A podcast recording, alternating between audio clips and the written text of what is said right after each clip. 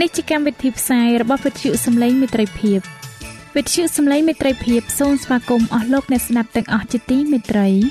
នាងខ្ញុំសេកសុចិន្តាវតី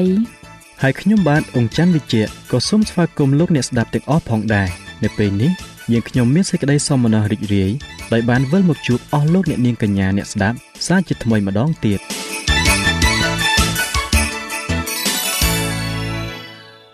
ចា៎លោកអ្នកស្ដាប់ជាទីមេត្រី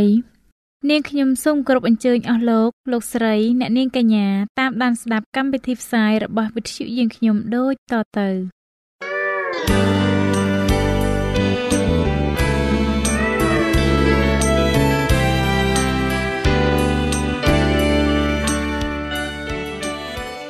ព្រះបន្ទូលសម្រាប់អ្នកនៅថ្ងៃនេះ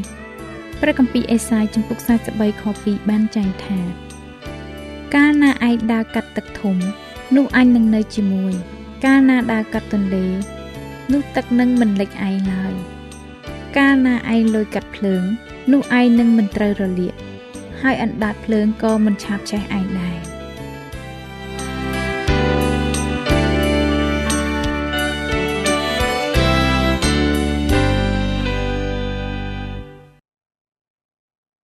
ជាថ្មីម្ដងទៀតខ្ញុំបាទសូមគោរពនិងជម្រាបសួរដល់អស់លោកអ្នកទាំងអស់គ្នាជាទីមេត្រី សូមស្វាគមន៍មកកាន់នីតិសភាស្គូលប្រចាំសប្ដាហ៍មេរៀនសម្រាប់សប្ដាហ៍នេះមានចំណងជើងថាសេចក្តីសញ្ញាដ៏នៅអស់កលជានិច្ចសម្រាប់លោកអ្នកដែលចង់បានមេរៀននេះប្រើនៅលើទូរស័ព្ទដៃ Android របស់លោកអ្នកលោកអ្នកអាចទាញយកបានតាមរយៈ Play Store ដោយវាយពាក្យថាខ្មែរសភាស្គូលមុននឹងខ្ញុំបាទជម្រាបជូននៅខ្លឹមសារនៃមេរៀននេះ ខ្ញុំបាទសូមគ្រប់អញ្ជើញឲ្យលោកអ្នកបានពិចារណានៅចំណុចមួយចំនួនដែលតាក់ទងទៅនឹងមេរៀននេះដូចតទៅតើសេចក្តីជំនឿនិងការប្រព្រឹត្តតាមមានអ្វីតាក់ទងនឹងគ្នាតើយើងអាចមានមួយហើយអត់មួយបានដែរឬទេមេរៀនសម្រាប់សប្តាហ៍នេះយើងនឹងពិនិត្យមើលកិច្ចសន្យានៃសេចក្តីសង្គ្រោះដ៏អស្ចារ្យនៅក្នុងសេចក្តីសញ្ញាដែលព្រះបានធ្វើជាមួយនឹងលោកអាប់រ៉ាម។ អស់លោកអ្នកជាទីមេត្រីតើលោកអ្នកបានចងចាំពេលវេលាមួយដែលលោកអ្នកបានឈឺកាលពីនៅកុមារភាពដែរឬទេប្រហែលជាលោកអ្នកមានជំងឺដូចជាគ្រុនក្តៅឬក៏គ្រុនផ្ដាសាជាដើមប្រហែលជាលោកអ្នកមានជំងឺអ្វីមួយផ្សេងទៀតដែលធ្វើឲ្យលោកអ្នកមានអារម្មណ៍មិនល្អកាលនោះលោកអ្នកបានភ្ញាក់ឡើង នៅពាក់កណ្ដាលអាត្រៀតដោយមានគ្រុនក្តៅជាខ្លាំងបន្ទាប់មក លោកអ្នកក៏ឃើញម្ដាយឬឪពុករបស់លោកអ្នកអង្គុយនៅលើកៅអីក្បែរគ្រែរបស់លោកអ្នកដោយពន្លឺដ៏ស្រទន់នាពេលយប់មនុស្សដែលរស់នៅលើផែនដីនេះបន្ទាប់ពីទឹកជំនន់រួច គឺប្រៀបដូចជាកូនក្មេងម្នាក់ដែលមានជំងឺយ៉ាងដូចនោះដែរនៅគ្រានោះអំពើបាប និងសេចក្តីអាក្រក់ក៏ចាប់ផ្ដើមរីករាលដាលឡើងវិញជាថ្មីនៅក្នុងចិត្តរបស់មនុស្សព្រះជាម្ចាស់ទ្រង់ប្រៀបបានទៅនឹងឪពុក ឬក៏ម្ដាយដែលអង្គុយនៅក្បែរកូនរបស់ទ្រង់នៅពេលដែលមានជំងឺនោះឯងព្រះអង្គមានផែនការដើម្បីធ្វើឲ្យមនុស្សបានប្រសើរឡើងវិញទ្រង់បានត្រាស់ហៅលោកអាប់រ៉ាមឲ្យចាប់ផ្ដើមក្រុមគ្រួសារមួយ ដែលបង្រៀនមនុស្សផ្សេងផ្សេងទៀតអំពីព្រះជាម្ចាស់និងផែនការរបស់ទ្រង់នៅក្នុងការជួយសង្គ្រោះមនុស្សលោកទាំងមូល។ព្រះបានតាំងសញ្ញាជាមួយនឹងលោកអាប់រ៉ាមនិងកូនចៅរបស់លោក តរៀងមកសេចក្តីសញ្ញានោះបានសម្ដែងឲ្យមនុស្សបានដឹងកាន់តែច្បាស់អំពីផែនការរបស់ព្រះដើម្បីជួយសង្គ្រោះមនុស្សចេញពីអំពើបាបព្រះជាម្ចាស់តតឃើញថាមនុស្សកំពុងតែត្រូវការសេចក្តីសង្គ្រោះម្ល៉េះហើយបានជាទ្រង់នឹងមិនបោះបង់ពួកគេចោលឡើយទ្រង់បានសន្យាថានឹងជួយសង្គ្រោះពួកគេជាមិនខាន។នៅក្នុងព្រះគម្ពីរលោកុបាទចំពុក 15ខ7បានចែងថានោះទ្រង់មានព្រះបន្ទូលទៅកាន់គាត់ថាអញជាព្រះយេហូវ៉ាដែលនាំឯងចេញពីស្រុកអឺរបស់សាសខាលដេមក ដើម្បីនឹងឲ្យស្រុកនេះដល់ឯងទុកជាគេអាកអស់លោកអ្នកជាទីមេត្រី នៅសម័យព្រះគម្ពីរមនុស្សដែលរស់នៅតំបន់ជិតបូព៌ាប្រទេសយល់ថាឈ្មោះនីមួយៗពិតជាសំខាន់ណាស់ប្រជាជន ហេប្រឺតែងតែមានអារម្មណ៍ថាឈ្មោះរបស់មនុស្សម្នាក់ម្នាក់បានបង្ហាញពួកគេនៅអ្វីដែលពិសេសអំពីបុគ្គលិកលក្ខណៈរបស់ពួកគេម្នាក់ម្នាក់រៀងរៀងខ្លួន ហើយពួកគេក៏ជឿថាឈ្មោះបានបង្ហាញពួកគេអំពីអ្វីដែលឪពុកនិងម្ដាយកំពុងតែគិត ឬមានអារម្មណ៍នៅពេលដែលពួកគេដាក់ឈ្មោះទាំងនោះឲ្យកូនរបស់ពួកគេ ពេលខ្លះ ឈ្មោះបានបង្ហាញនៅរឿងដែលសំខាន់ស្ដីអំពីអ្វីដែលកំពុងតែកើតឡើងនៅលើទឹកដីអំឡុងពេលដែលទីរនោះចាប់កំណើតមកនៅពេលដែលព្រះជាម្ចាស់បានធ្វើសេចក្តីសញ្ញាជាមួយនឹងលោកអាប់រ៉ាមដំបូងនោះព្រះអង្គបានប្រាប់លោកអាប់រ៉ាមថាឈ្មោះរបស់ទ្រង់គឺយេហូវ៉ាយេហូវ៉ាត្រូវបានគេសរសេរថាព្រះអម្ចាស់នៅក្នុងទម្រង់អក្សរធំ លោកអ្នកអាចអាននៅក្នុងព្រះគម្ពីរលោកុបាទចំពុក15ខ7ដូច្នេះពិតប្រាកដណាស់ព្រះគម្ពីរលោកុបាទចំពុក15ខ7ក៏បានចែងថាអញជាព្រះយេហូវ៉ាដែលនាំឯងចេញពីស្រុកអឺរបស់សាសខាល់ដេឈ្មោះថាយេហូវ៉ាត្រូវបានសរសេរចំនួនប្រមាណជា6828ដង នៅក្នុងព្រះគម្ពីរសញ្ញាចាស់ទាំងមូល ឈ្មោះនេះឯងមានបង្កប់នៅសេចក្តីអាចកំបាំងពាក្យនេះអាចមកពីកិរិយាសព្ទនៃភាសាហេប្រឺដែលពាក្យជាភាសាហេប្រឺនោះគឺហាយ៉ាដែលមានន័យថាคล้ายជារឿងនេះប្រាប់យើងថាឈ្មោះយេហូវ៉ាអាចមានន័យថាព្រះដ៏គង់នៅអស់កលជានិច្ចឬព្រះដែលមានប្រជញ្ញអស់កលឈ្មោះទាំងនេះបង្ហាញយើងថាព្រះតែងតែមានប្រជញ្ញគង់នៅ ហើយក៏ជាអ្នកដែលយើងអាចទុកចិត្តបានផងដែរទ្រង់គឺជាព្រះដ៏មានប្រជញ្ញរស់រាល់ជីវិតទាំងអស់ចាប់ផ្ដើមឡើងជាមួយទ្រង់ចូលប្រៀបធៀប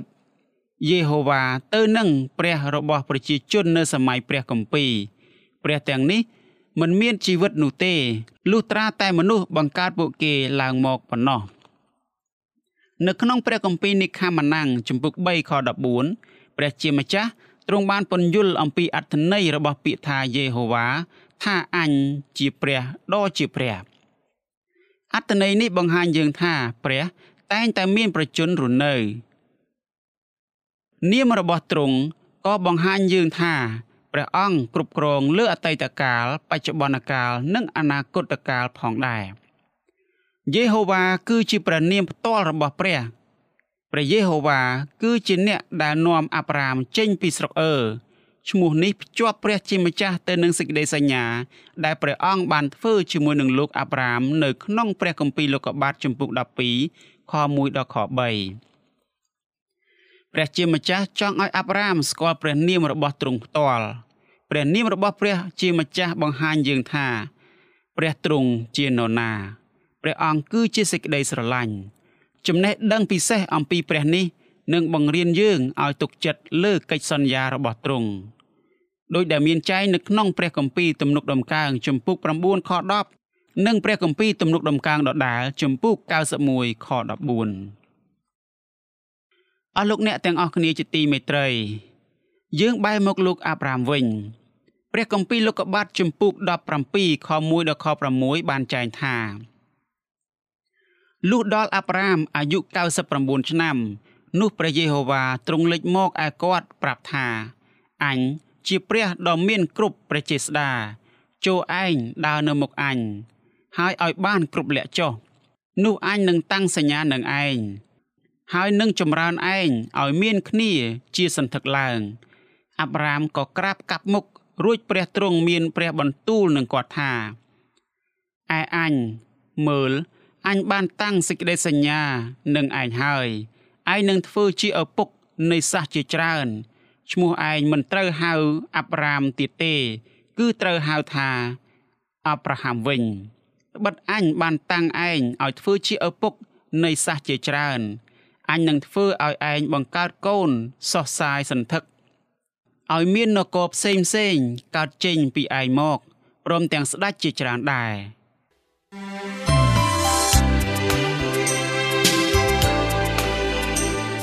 សេចក្តីជំនឿកើតឡើងដោយលឺហើយដែលលឺនោះគឺដោយសារព្រះបន្ទូលនៃព្រះ តាមរយៈវិទ្យុសំឡេងមិត្តភាព AWR អស់លោកអ្នកជាទីមេត្រី នៅក្នុងខទាំងនេះ ព្រះជាម្ចាស់បានប្រកាសដល់លោកអាប់រ៉ាមនៅធម្មពល និងប្រជាស្ដាររបស់ទ្រង់តើលោកអ្នកគិតថាហេតុអ្វីបានជាព្រះជាម្ចាស់ ចង់ឲ្យលោកអាប់រ៉ាមដឹងអំពីអំណាចនិងប្រជាស្ដាររបស់ទ្រង់នៅពេលនេះតើទ្រង់មានបន្ទូលយ៉ាងដូចម្ដេចដែលបង្ហាញថាអាប់រ៉ាមត្រូវទុកចិត្តលើអំណាចនិងប្រជាស្ដារទ្រង់នោះអរលោកអ្នកជាទីមេត្រីព្រះគម្ពីរលោកុបាទចំពុក17ខ1ដល់ខ6ក៏អាចត្រូវបានសរសេរតាមវិធីនេះដែរថា ព្រះជាម្ចាស់បង្ហាញអង្គទ្រង់ដល់អាប់រ៉ាមហើយ ក៏មានព្រះបន្ទូលថាអញជាអេលសាដៃព្រះដ៏មានសពប្រជាស្ដាចូលគ្រប់ប្រណិប័តដល់អញហើយរស់នៅដោយសុចរិតប្រសិនបើឯងស្ដាប់បង្គាប់តាមអញនោះអញនឹងតាំងសញ្ញានឹងឯងអញនឹងប្រទានឲ្យឯងមានកូនចៅជាច្រើនឯងនឹងក្លាយជាឪពុកនៃសាសជាច្រើនឯងនឹងប្រទានឲ្យឯងនៅភាពជោគជ័យគ្រប់បែបយ៉ាង ឈ្មោះអែលសាដាយក៏ត្រូវបានសរសេរនៅក្នុងព្រះគម្ពីរលោកុបាទនៅក្នុងជំពូក28ខ3ដែរនៅក្នុងខនេះអ៊ីសាបាននិយាយថាអែលសាដាយនឹងប្រទានពរដល់យ៉ាកុបហើយនឹងចម្រើនឲ្យគាត់មានកូនចៅជាច្រើននិងទទួលបាននៅភាពជោគជ័យអរលោកអ្នកជាទីមេត្រី នៅកន្លែងផ្សេងទៀតនៅក្នុងព្រះគម្ពីរលោកុបាទអែលសាដាយបានតាំងកិច្ចសន្យាជាមួយមនុស្ស ដែលកិច្ចសន្យានេះដូចគ្នានឹងកិច្ចសន្យាដែលទ្រង់បានតាំងជាមួយនឹងលោកអាប់រ៉ាមដែរលោកអ្នកអាចសិក្សាបន្ថែមទៀតនៅក្នុងសេចក្តីនេះដែលលោកអ្នកអាចអាននៅក្នុងព្រះគម្ពីរលោកុបាទជំពូក35ខ11ជំពូក43ខ14និងជំពូក49ខ25នៅក្នុងខទាំងនេះលោកអ្នកនឹងសង្កេតឃើញថា ព្រះជាម្ចាស់ចង់ប្រទាននៅអំណោយទានដ៏ល្អដល់អ្នកដែលស្ដាប់បង្គាប់ដល់ទ្រង់ហើយស្វែងរកទ្រង់ដោយសេចក្តីជំនឿអរលោកអ្នកជាទីមេត្រី អ្នកខ្លះនិយាយថាឈ្មោះមិនសំខាន់នោះទេចុះតើវានឹងទៅជាយ៉ាងណាប្រសិនបើព្រះនាមរបស់ព្រះជាម្ចាស់គឺជាព្រះនាមនៃព្រះដែលទុនខ្សោយវិញនោះតើសេចក្តីសង្ឃឹមនោះផ្ដល់ឲ្យលោកអ្នកនៅសង្ឃឹមយ៉ាងណាដែរ គឺពិតជាគ្មានសង្ឃឹមទេមែនទេតើព្រះនាមអែលសាដាយផ្ដល់នូវសេចក្តីកំសាន្តចិត្តដល់យើងរាល់គ្នាយ៉ាងដូចម្តេចដែរអស់លោកអ្នកជាទីមេត្រីឈ្មោះរបស់មនុស្សនៅចិត្តបូព៌ាប្រទេសក្នុងសម័យព្រះគម្ពីរមានអត្ថន័យជ្រាលជ្រៅណាស់សពថ្ងៃនេះប្រសិនបើបុគ្គលណាម្នាក់ដាក់ឈ្មោះកូនរបស់ខ្លួនថាម៉ារីឬស៊ូស៊ីនោះអត្ថន័យនៃឈ្មោះទាំងនេះច្រើនតែមិនសំខាន់នោះទេ ប៉ុន្តែសម្រាប់មនុស្សដែលរស់នៅម្ដុំបូព៌ាប្រទេស ក្នុងសម័យព្រះគម្ពីរវិញនោះឈ្មោះរបស់គេមានអត្ថន័យជ្រាលជ្រៅខាងឯវិញ្ញាណឈ្មោះពីសម័យនោះអាចជាប្រយោគខ្លីៗដែលបង្ហាញពីការដឹងគុណឬបំណងប្រាថ្នារបស់ឪពុកម្ដាយចំពោះអ្វីមួយនេះជាឧទាហរណ៍មួយចំនួន ដែលដានីយ៉ែលមានន័យថា ព្រះជាម្ចាស់ជាចៅក្រម យូអែលមានន័យថាព្រះយេស៊ូវជាព្រះណាថាន់មានន័យថាអំណោយទានរបស់ព្រះជាដើមឥឡូវនេះដោយយើងដឹងនៅរឿងនេះហើយយើងនឹងយល់កាន់តែច្បាស់ថែមទៀតអំពីមូលហេតុដែលព្រះចង់បដូរឈ្មោះអាប់រ៉ាមទៅជាអប្រាហាំវិញអាប់រ៉ាមមានន័យថាឪពុកដែលត្រូវបានគេសរសើរអាប់រ៉ាហាំមានន័យថាឪពុករបស់មនុស្សជាច្រើន ឥឡូវនេះចូលយើងក្រឡេកមើលកិច្ចសន្យាមួយនៅក្នុងកិច្ចព្រមព្រៀងរវាងព្រះជាម្ចាស់និងលោកអាប់រ៉ាហាំព្រះជាម្ចាស់បានមានព្រះបន្ទូលនៅក្នុងព្រះគម្ពីរលោកុបាទជំពូក17ខ6ថាអញនឹងធ្វើឲ្យឯងបង្កើតកូនសោះសាយសន្ធឹកឲ្យមាននគរផ្សេងផ្សេងកើតចេញពីឯងមកព្រមទាំងស្ដេចជាច្រើនដែរកិច្ចសន្យានេះមានន័យថា យើងដឹងថា ឈ្មោះអាប់រ៉ាហាំមានន័យថាឪពុករបស់មនុស្សជាច្រើន ប្រហែលជាការផ្លាស់ប្ដូរឈ្មោះគឺជាផ្នែកមួយនៃផែនការរបស់ព្រះដើម្បីជួយដល់លោកអាប់រ៉ាហាំឲ្យមានជំនឿលើសេចក្តីសញ្ញាជាមួយនឹងព្រះព្រះជាម្ចាស់បានតាំងសញ្ញាជាមួយលោកអាប់រ៉ាហាំនៅពេលដែលលោកអាប់រ៉ាហាំមានអាយុ99ឆ្នាំទៅហើយភរិយារបស់លោកមានឈ្មោះថាសារ៉ាយគឺជាស្ត្រីមានវ័យចំណាស់ម្នាក់ដែលគ្មានកូនសោះ ដូច្នេះព្រះជាម្ចាស់ក៏បានផ្លាស់ប្ដូរឈ្មោះអាប់រ៉ាមទៅជាអាប់រ៉ាហាំដើម្បីជួយអាប់រ៉ាហាំឲ្យមានសេចក្តីជំនឿលើកិច្ចសន្យារបស់ទ្រង់អស់លោកអ្នកជាទីមេត្រីព្រះគម្ពីរលោកុបាទចំពុក12ខ1និងខ2បង្ហាញយើងពីផ្នែកដំបូងពីរយ៉ាងនៃសេចក្តីសញ្ញារវាងព្រះនិងលោកអាប់រ៉ាមសេចក្តីសញ្ញាទាំងអស់មាន3ផ្នែក1 ព្រះជាម្ចាស់បានចូលមកឯអាប់រ៉ាម2ទ្រង់បានបង្គាប់ដល់លោកអាប់រ៉ាម3ព្រះបានចុះកិច្ចសន្យាជាមួយនឹងលោកអាប់រ៉ាមផ្នែកទី1គឺជាជំរឿផ្នែកនេះបង្ហាញយើងថាព្រះពិតជាសប្បុរសនៅក្នុងការជ្រើសរើសលោកអាប់រ៉ាមឲ្យចូលមកក្នុងសេចក្តីសញ្ញានេះជាមួយនឹងទ្រង់ផ្នែកទី2គឺជាពាក្យបង្គាប់បញ្ជា ផ្នែកនេះបង្ហាញយើងនៅការសាក់លបងនៃការទុកចិត្តដែលព្រះបានប្រទានដល់លោកអាប់រ៉ាមលោកអាប់រ៉ាមត្រូវតែបង្ហាញនៅការជឿទុកចិត្តលើព្រះទាំងស្រុងឯផ្នែកទី3គឺជាកិច្ចសន្យាព្រះជាម្ចាស់បានសន្យាជាមួយនឹងកូនចៅចំនួនក្រោយរបស់លោកអាប់រ៉ាហាំស្របពេលជាមួយគ្នានេះដែរកិច្ចសន្យានេះ រួមបញ្ចូលទាំងក្រុមគ្រួសារមនុស្សទាំងមូលនៅលើផែនដីនេះថែមទៀតផងដោយដែលមានចែងនៅក្នុងព្រះគម្ពីរលោកុបាទជំពូក12ខ3និងព្រះគម្ពីរកាឡាទីជំពូក3ខ6ដល់ខ9នៅក្នុងផ្នែកទី2នៃសេចក្តីសញ្ញារបស់ព្រះជាមួយនឹងលោកអាប់រ៉ាមត្រូវបានបង្ហាញនៅក្នុងព្រះគម្ពីរលោកុបាទជំពូក15ខ7ដល់ខ18នៅក្នុងផ្នែកទី2នៃសេចក្តីសញ្ញានេះ ព្រះជាម្ចាស់បានយាងមករកលោកអាប់រ៉ាមហើយឆ្លងកាត់រវាងបំណែកនៃសត្វ3ទី1សត្វទាំង3ត្រូវបានសម្លាប់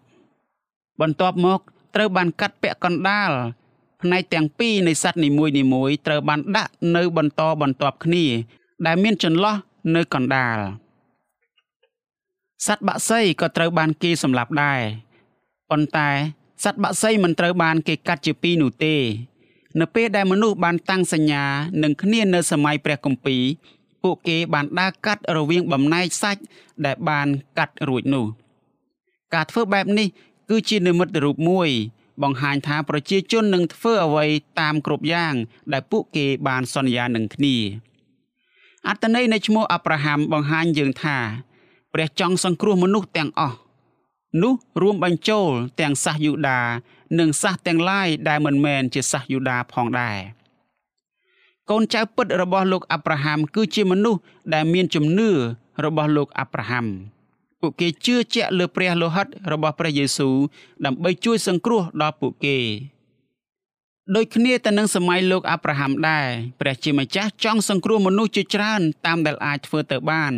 ព្រះជាម្ចាស់មិនបានផ្លាស់ប្ដូរនោះទេទ្រង់នៅតែមានព្រះតីដដាលនៅពេលបច្ចុប្បន្ននេះ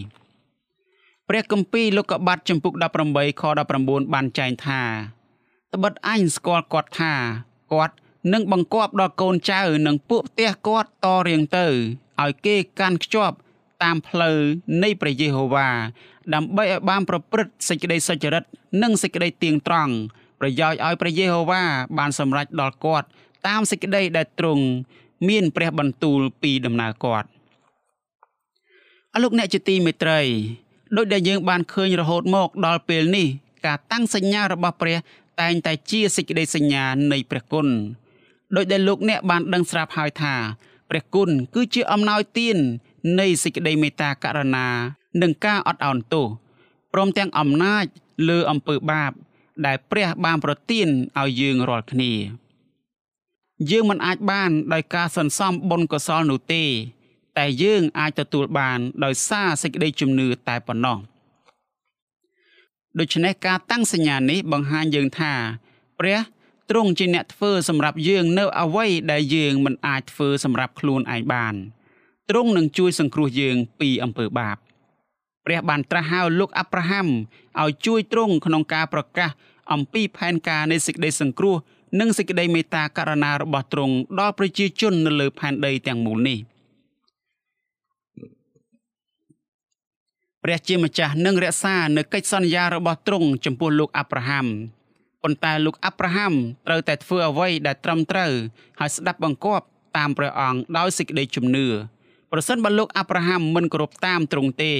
នោះព្រះមិនអាចប្រើលោកអាប់រ៉ាហាំឲ្យធ្វើការពិសេសនៅលើផែនដីនេះបានឡើយ ព្រះគម្ពីរលោកុបាទជំពូក18ខ19បង្ហាញយើងអំពីទំនាក់ទំនងនៃសេចក្តីមេត្តាករុណារបស់ព្រះ និងក្រឹតវិន័យរបស់ទ្រង់ខព្រះគម្ពីរនេះចាប់ផ្ដើមឡើងដោយ យើងបានជ្រើសរើសគាត់ប្រយោគនេះបានបង្ហាញយើង អំពីសេចក្តីមេត្តាករុណារបស់ព្រះ បន្ទាប់មកខនេះបានបង្ហាញយើងថាលោកអាប់រ៉ាហាំគឺជាមនុស្សម្នាក់ដែលនឹងស្ដាប់បង្គាប់ព្រះជាម្ចាស់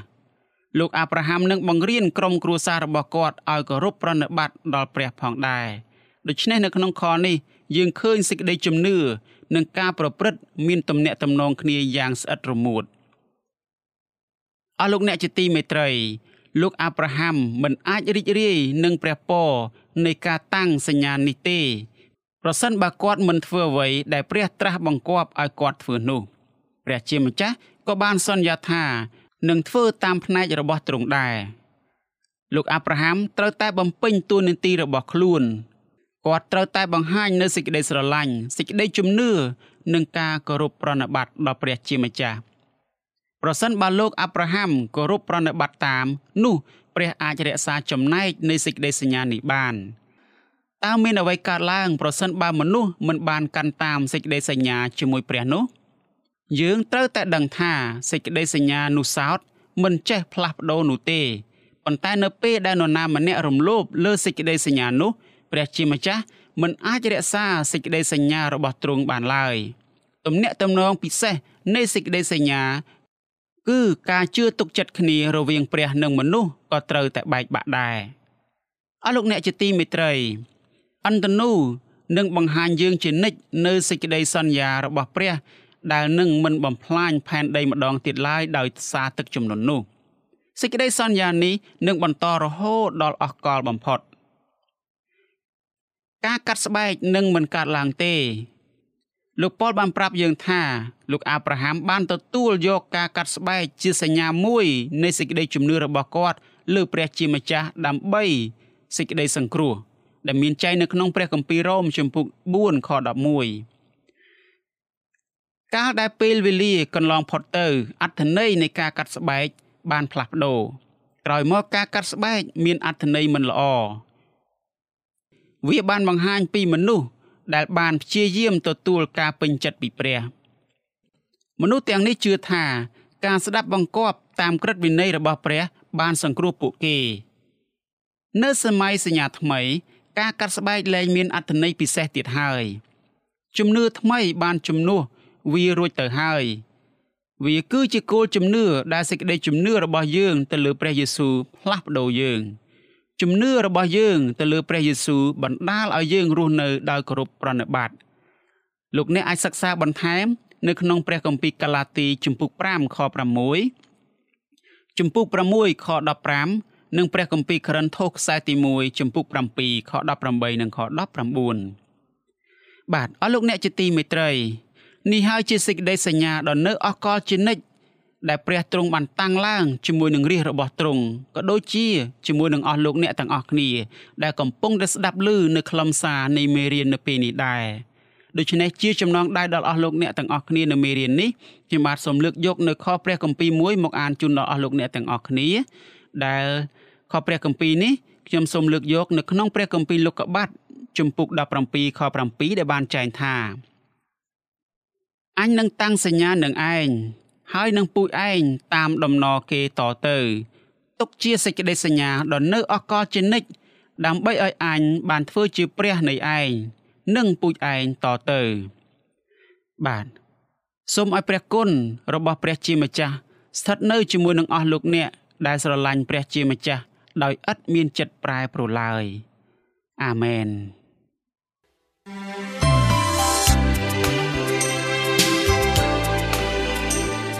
វិទ្យុសំឡេងមេត្រីភាព AWR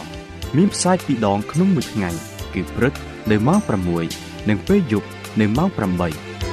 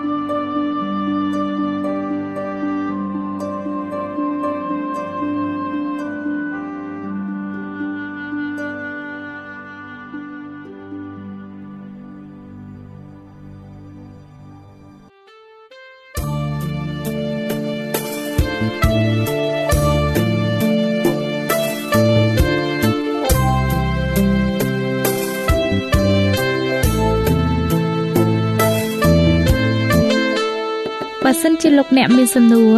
ឬសំណុំពរអ្វីសូមតាក់ទងមកការិយាល័យវិទ្យុយើងខ្ញុំ តាមអាស័យដ្ឋានផ្ទះលេខ15ផ្លូវលេខ568សង្កាត់បឹងកក់2ខណ្ឌទួលគោករាជធានីភ្នំពេញលោកអ្នកក៏អាចសរសេរសម្បត្តិផ្ញើមកយើងខ្ញុំ តាមរយៈប្រអប់សម្បត្តិលេខ488ភ្នំពេញឬតាមទូរស័ព្ទលេខ012 34 96 64ឬ097 80 81 060ឬក៏តាមរយៈអ៊ីមែល vol@awr.org យើងខ្ញុំរងចាំទទួលស្វាគមន៍អស់លោកអ្នកនាងដោយក្តីសោមនស្សរីករាយហើយលោកអ្នកក៏អាចស្ដាប់កម្មវិធីនេះឡើងវិញ ដោយចូលទៅកាន់ website របស់វិទ្យុយើងខ្ញុំ តាមរយៈអាស័យដ្ឋាន www.awr.org